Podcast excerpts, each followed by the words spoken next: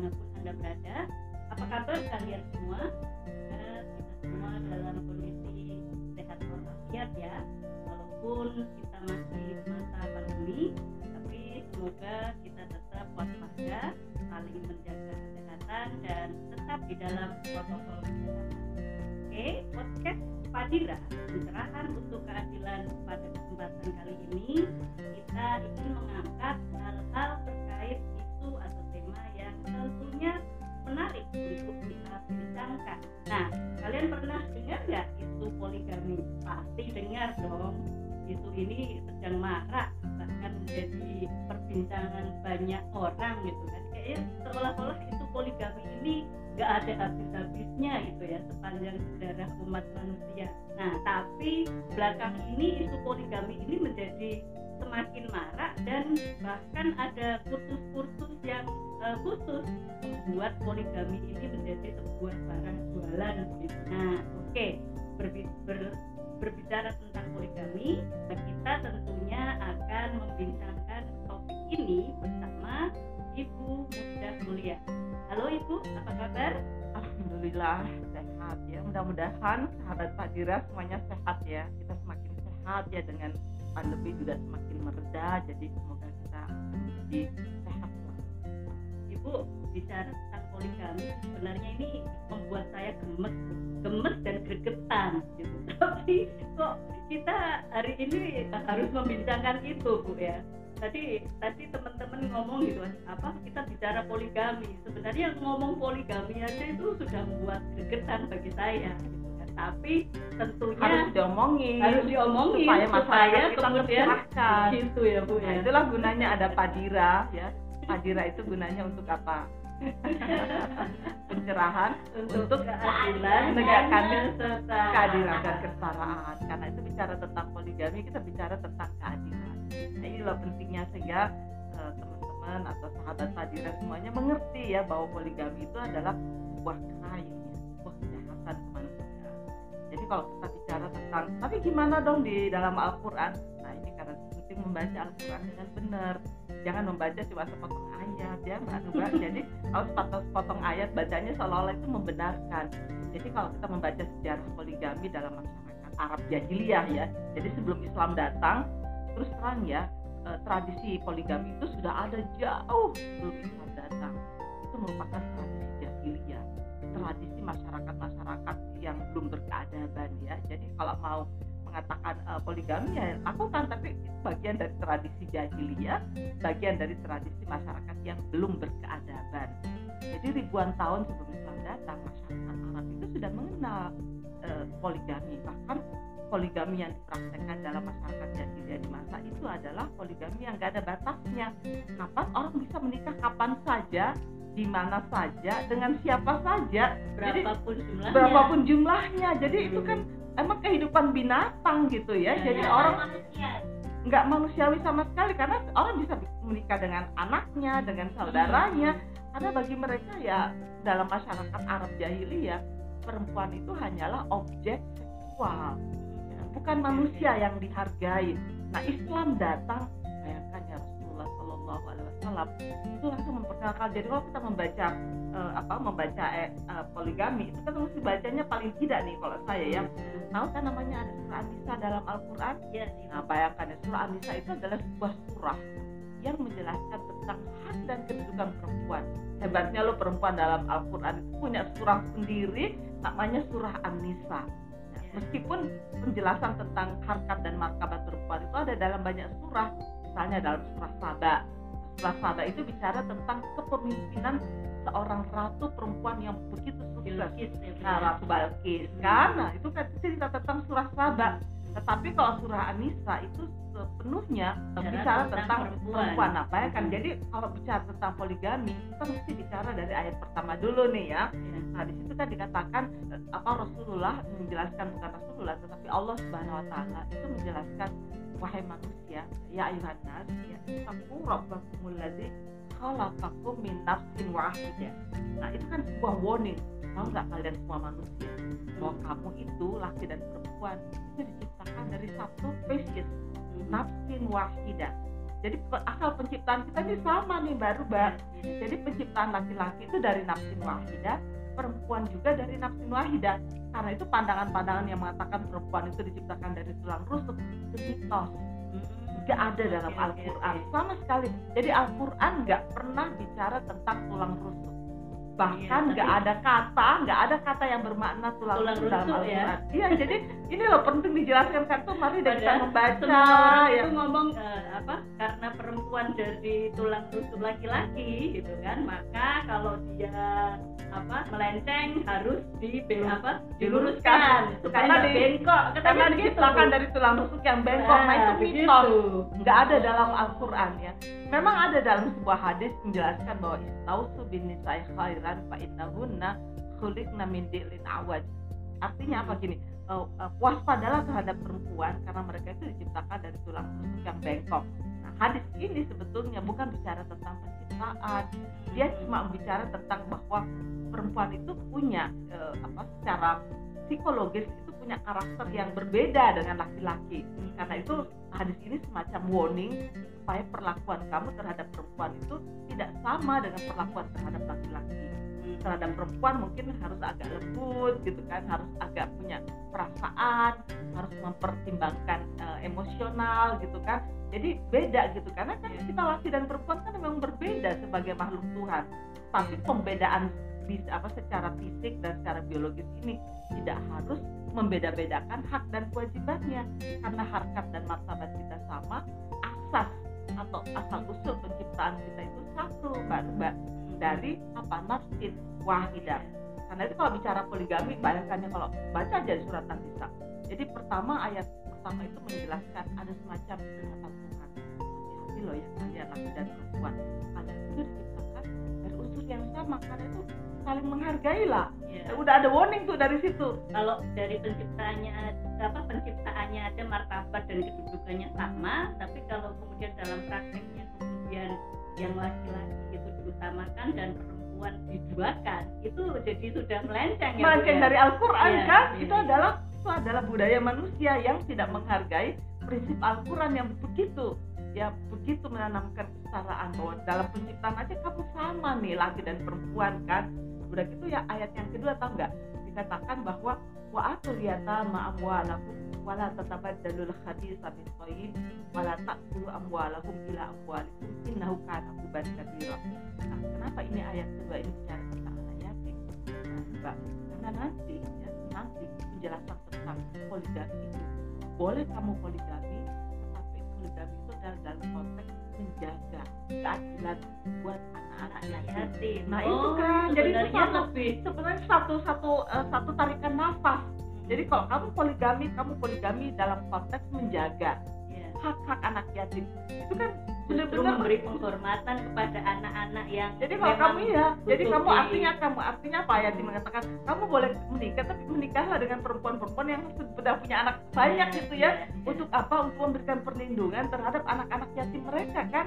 Jadi kawin dengan para janda gitu loh. Janda yang punya anak-anak yatim yang ter, yang terlantar. Jadi kamu menikahi dia untuk menyelamatkan anak-anak yatim coba baca jadi ayat yang kedua tentang itu kan nah yang ketiga baru nih wa in khiftum alla tuqsitu fil yatama fankihu ma balakum minan nisa masna wa thulatha wa ruba' Nah itu masna. Baru rubah itu selalu yang dibaca dulu. Tapi dia nggak baca, Tapi yang kan? depan nggak dibaca, yang belakang nggak dibaca. yang dibaca potong Masalahnya lagi itu. iya. selesai ayatnya Iya. Belum nah dengerin ayatnya ya Wa in khiftum alla ta'dilu fawahida.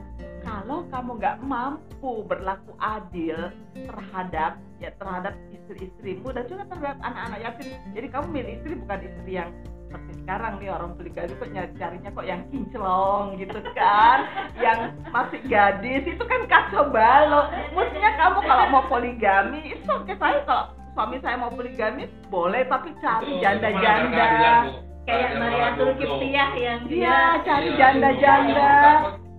yang cari janda-janda yang punya banyak anak sehingga men- bisa memproteksi nolongin anak-anaknya gitu loh. Nah kalau jomblo kan gak ada masalah. Coba tanya kepada para jomblo emang bermasalah? Enggak. Tuh kata mereka yang penting bagi saya bagi para jomblo mengatakan yang penting masyarakat itu mau dewasa. Jangan membuli kami gitu kan.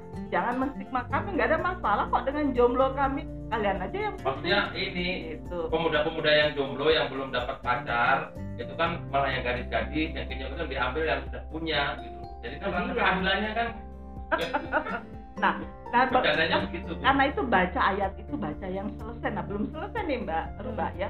Jadi saya Iya, baca betul. kembali ayat ini ya. Wa in khiftum alla tuqsitu fil yatama. Kalau kamu dengarkan ya. Wa in khiftum kalau kamu takut tidak mampu berlaku adil terhadap anak-anak yatim itu ya kan itu ya fankihu ma balakum minan nisa masna wa thulatha wa ruba maka nikahnya terus kamu nikahnya nggak sembarang juga ya? Apa tapi kalau dalam bahasa Arab sih selalu memang masna wa thulatha wa ruba dua tiga atau empat. Tapi itu bukan ini adalah kebiasaan orang Arab menyebut angka ya dua tiga empat. Sebetulnya sih bu, eh, sebetulnya sih ini nggak mesti seperti itu ya. Artinya apa? Sebetulnya ya kalau kita melihat tradisi Arab jahiliyah yang tadinya punya istri tak terbilang lalu Islam datang kalau kamu mau poligami hanya empat aja coba bayangin dari yang tak terbilang itu, itu ada batasannya. Jadi bukannya dari satu lalu men- men- men- apa mendorong jadi empat itu kan aneh bacanya gitu kan. Terbalik-balik sih kita membaca Al-Quran ya enggak nah itu pun juga fa'in khiftum Allah ta'adilu kalau kamu nggak mampu berlaku adil satu aja. Terus auma malakat aimanukum karena itu kan masih zaman perbudakan ya. Begitu juga kalau kamu nggak mampu ya ya kamu perlakukan aja terhadap eh, apa ambil aja budak-budak kamu Budak. gitu kan. Waktu itu kan masih ada budak sekarang kan udah nggak ada. Jadi ayat ini bicara dalam konteks Konteks sejarah perbudakan ya. perbudakan masa itu. Nah, zalik adna Allah ta'ulu nah, dengan cara seperti itulah ya kamu lebih dekat untuk tidak berbuat zalim. Bayangkan ayat-ayat Al-Quran itu begitu indahnya begitu memberikan apa penekanan pada keadilan cuma manusia ini nggak mampu ya mengontrol emosinya nggak mampu mengontrol syahwatnya. Ya beginilah kita. Ayat diputer-puter ya enggak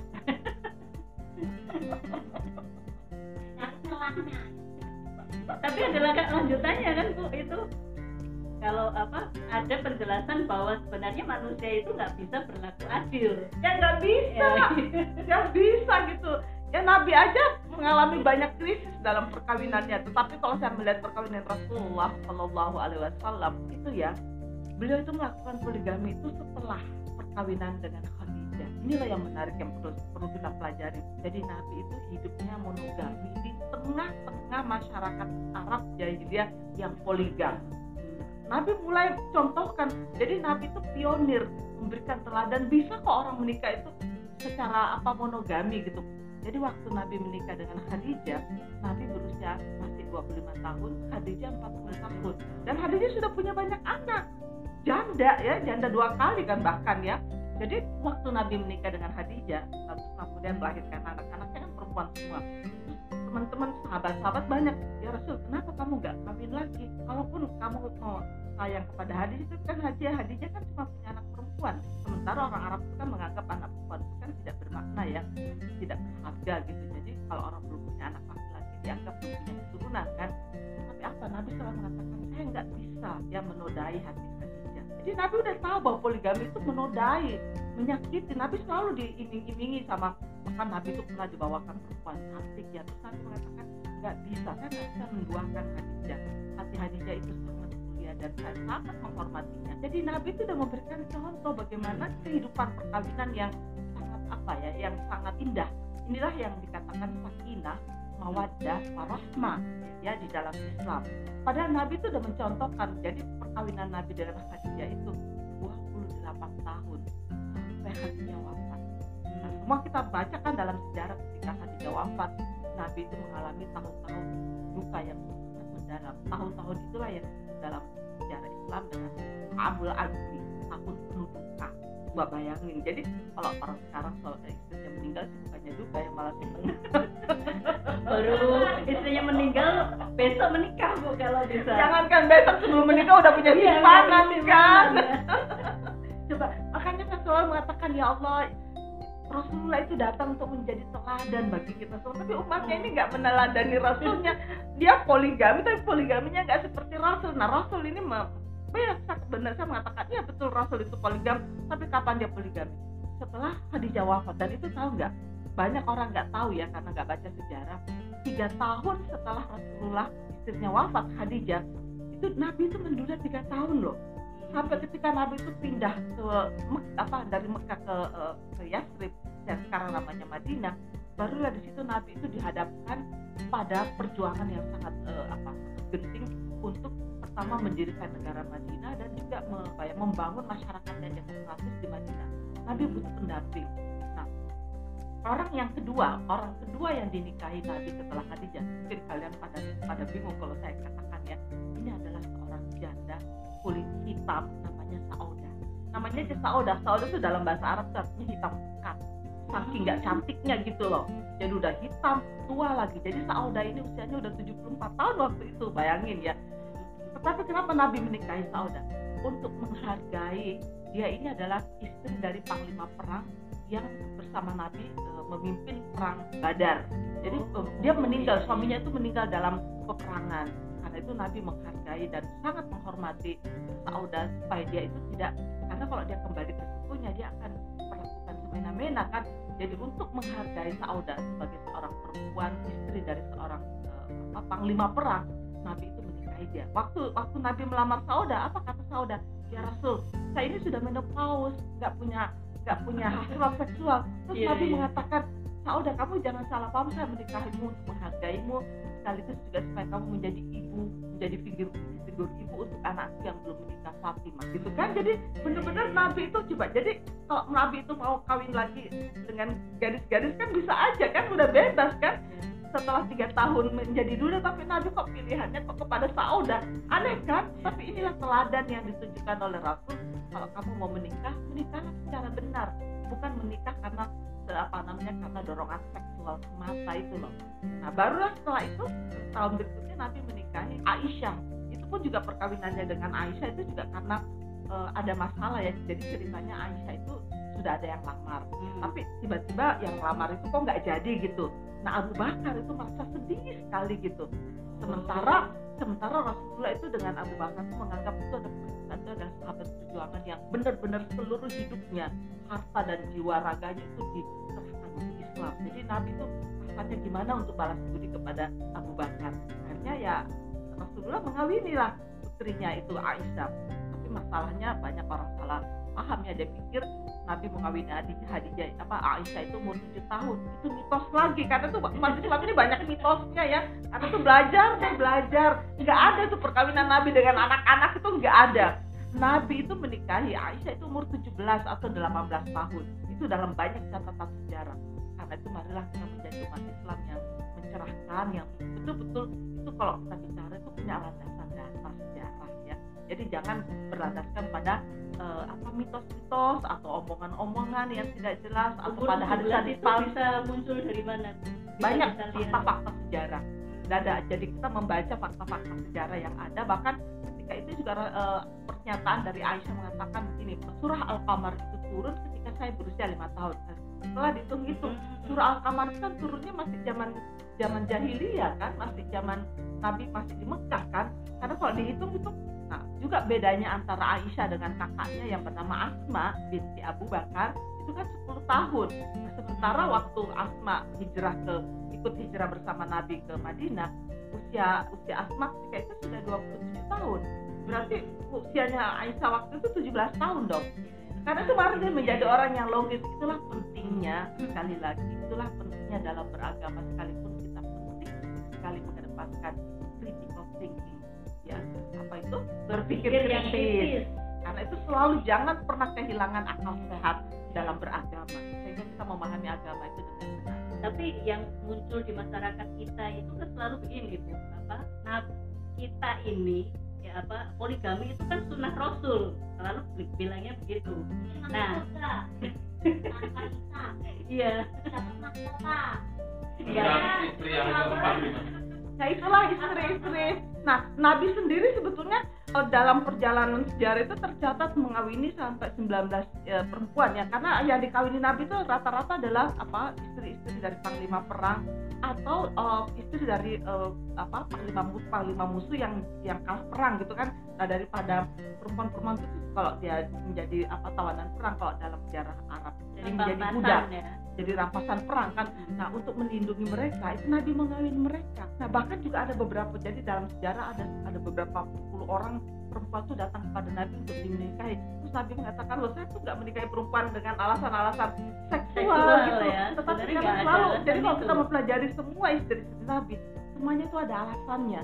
Karena karena takut orang perempuan-perempuan itu jadi kan namanya dalam prajurit itu kan udah haus udah ha- kan namanya prajurit tahu aja ya mereka berbulan-bulan di medan perang pastilah ngeliat perempuan itu udah kayak apa para prajurit perang. Nabi mengawini mereka untuk melindungi. Itu loh jadi eh, sejarahnya. Jadi dan juga kelihatannya Nabi juga meli- eh, mengawini dalam banyak eh, sejarah dikatakan ya mengawini pimpinan-pimpinan anak-anak dari pimpinan kepala suku. Maksudnya apa? Itu membangun kom- apa namanya dukungan politik ya dukungan politik dari berbagai suku. Jadi perkawinan Nabi itu perkawinan yang penuh dengan apa ya pertimbangan-pertimbangan politik untuk membangun negara Madinah ketika itu.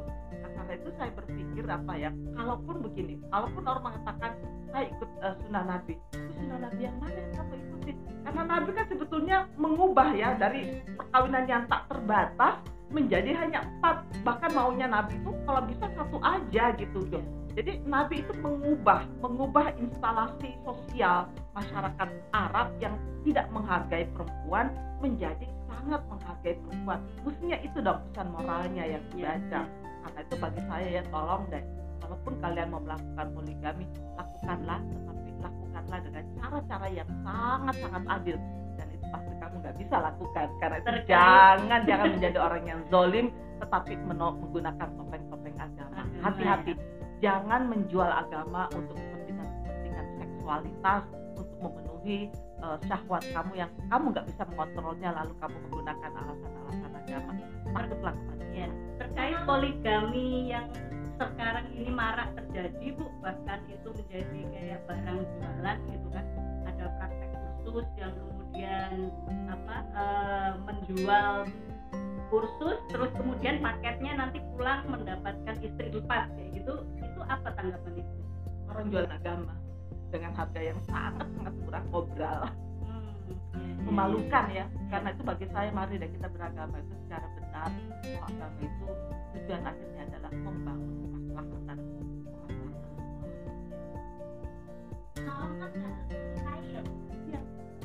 Kamu bisa menolong menolong. Iya. menolong siapa saja tanpa harus menikahi bahkan mungkin menikahi itu justru kamu berbuat berbuat zalim sama dia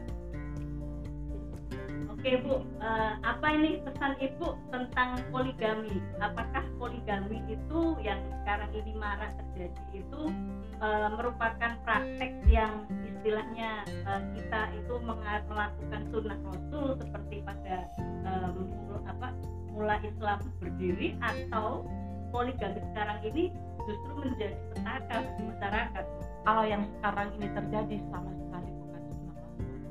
tetapi saya herannya kenapa orang kalau mengatakan sunnah rasul itu kepikirannya kepada poligami ya itu Hmm. kepikiran kotor gitu ya Iya. karena Lalu ya begitu karena ya. buat saya kalau saya mau me- menjadi mengikuti sunnah nabi yang paling menonjol dari karakter nabi atau sunnah nabi itu adalah sifatnya yang penuh belas asih sifatnya yang menjauhi kekerasan sifatnya yang Amin, sangat ya. jujur gitu kan sangat jujur dan tidak karena kalau kamu berpoligami kan pasti kamu bohong sana bohong sini kan karena itu marilah kita hidup yang benar kita mengikuti sunnah nabi mengikuti karakteristiknya ya mengikuti sifat-sifatnya yang sangat ya dalam eh, Al-Quran disebut al- apa namanya sifat-sifat yang penuh dengan teladan teladan kemanusiaan. Karena itu mari deh kita menjadi manusia yang benar sesuai dengan teladan Rasulullah Shallallahu Alaihi Wasallam. Dan itulah yang disebut dengan sunnah.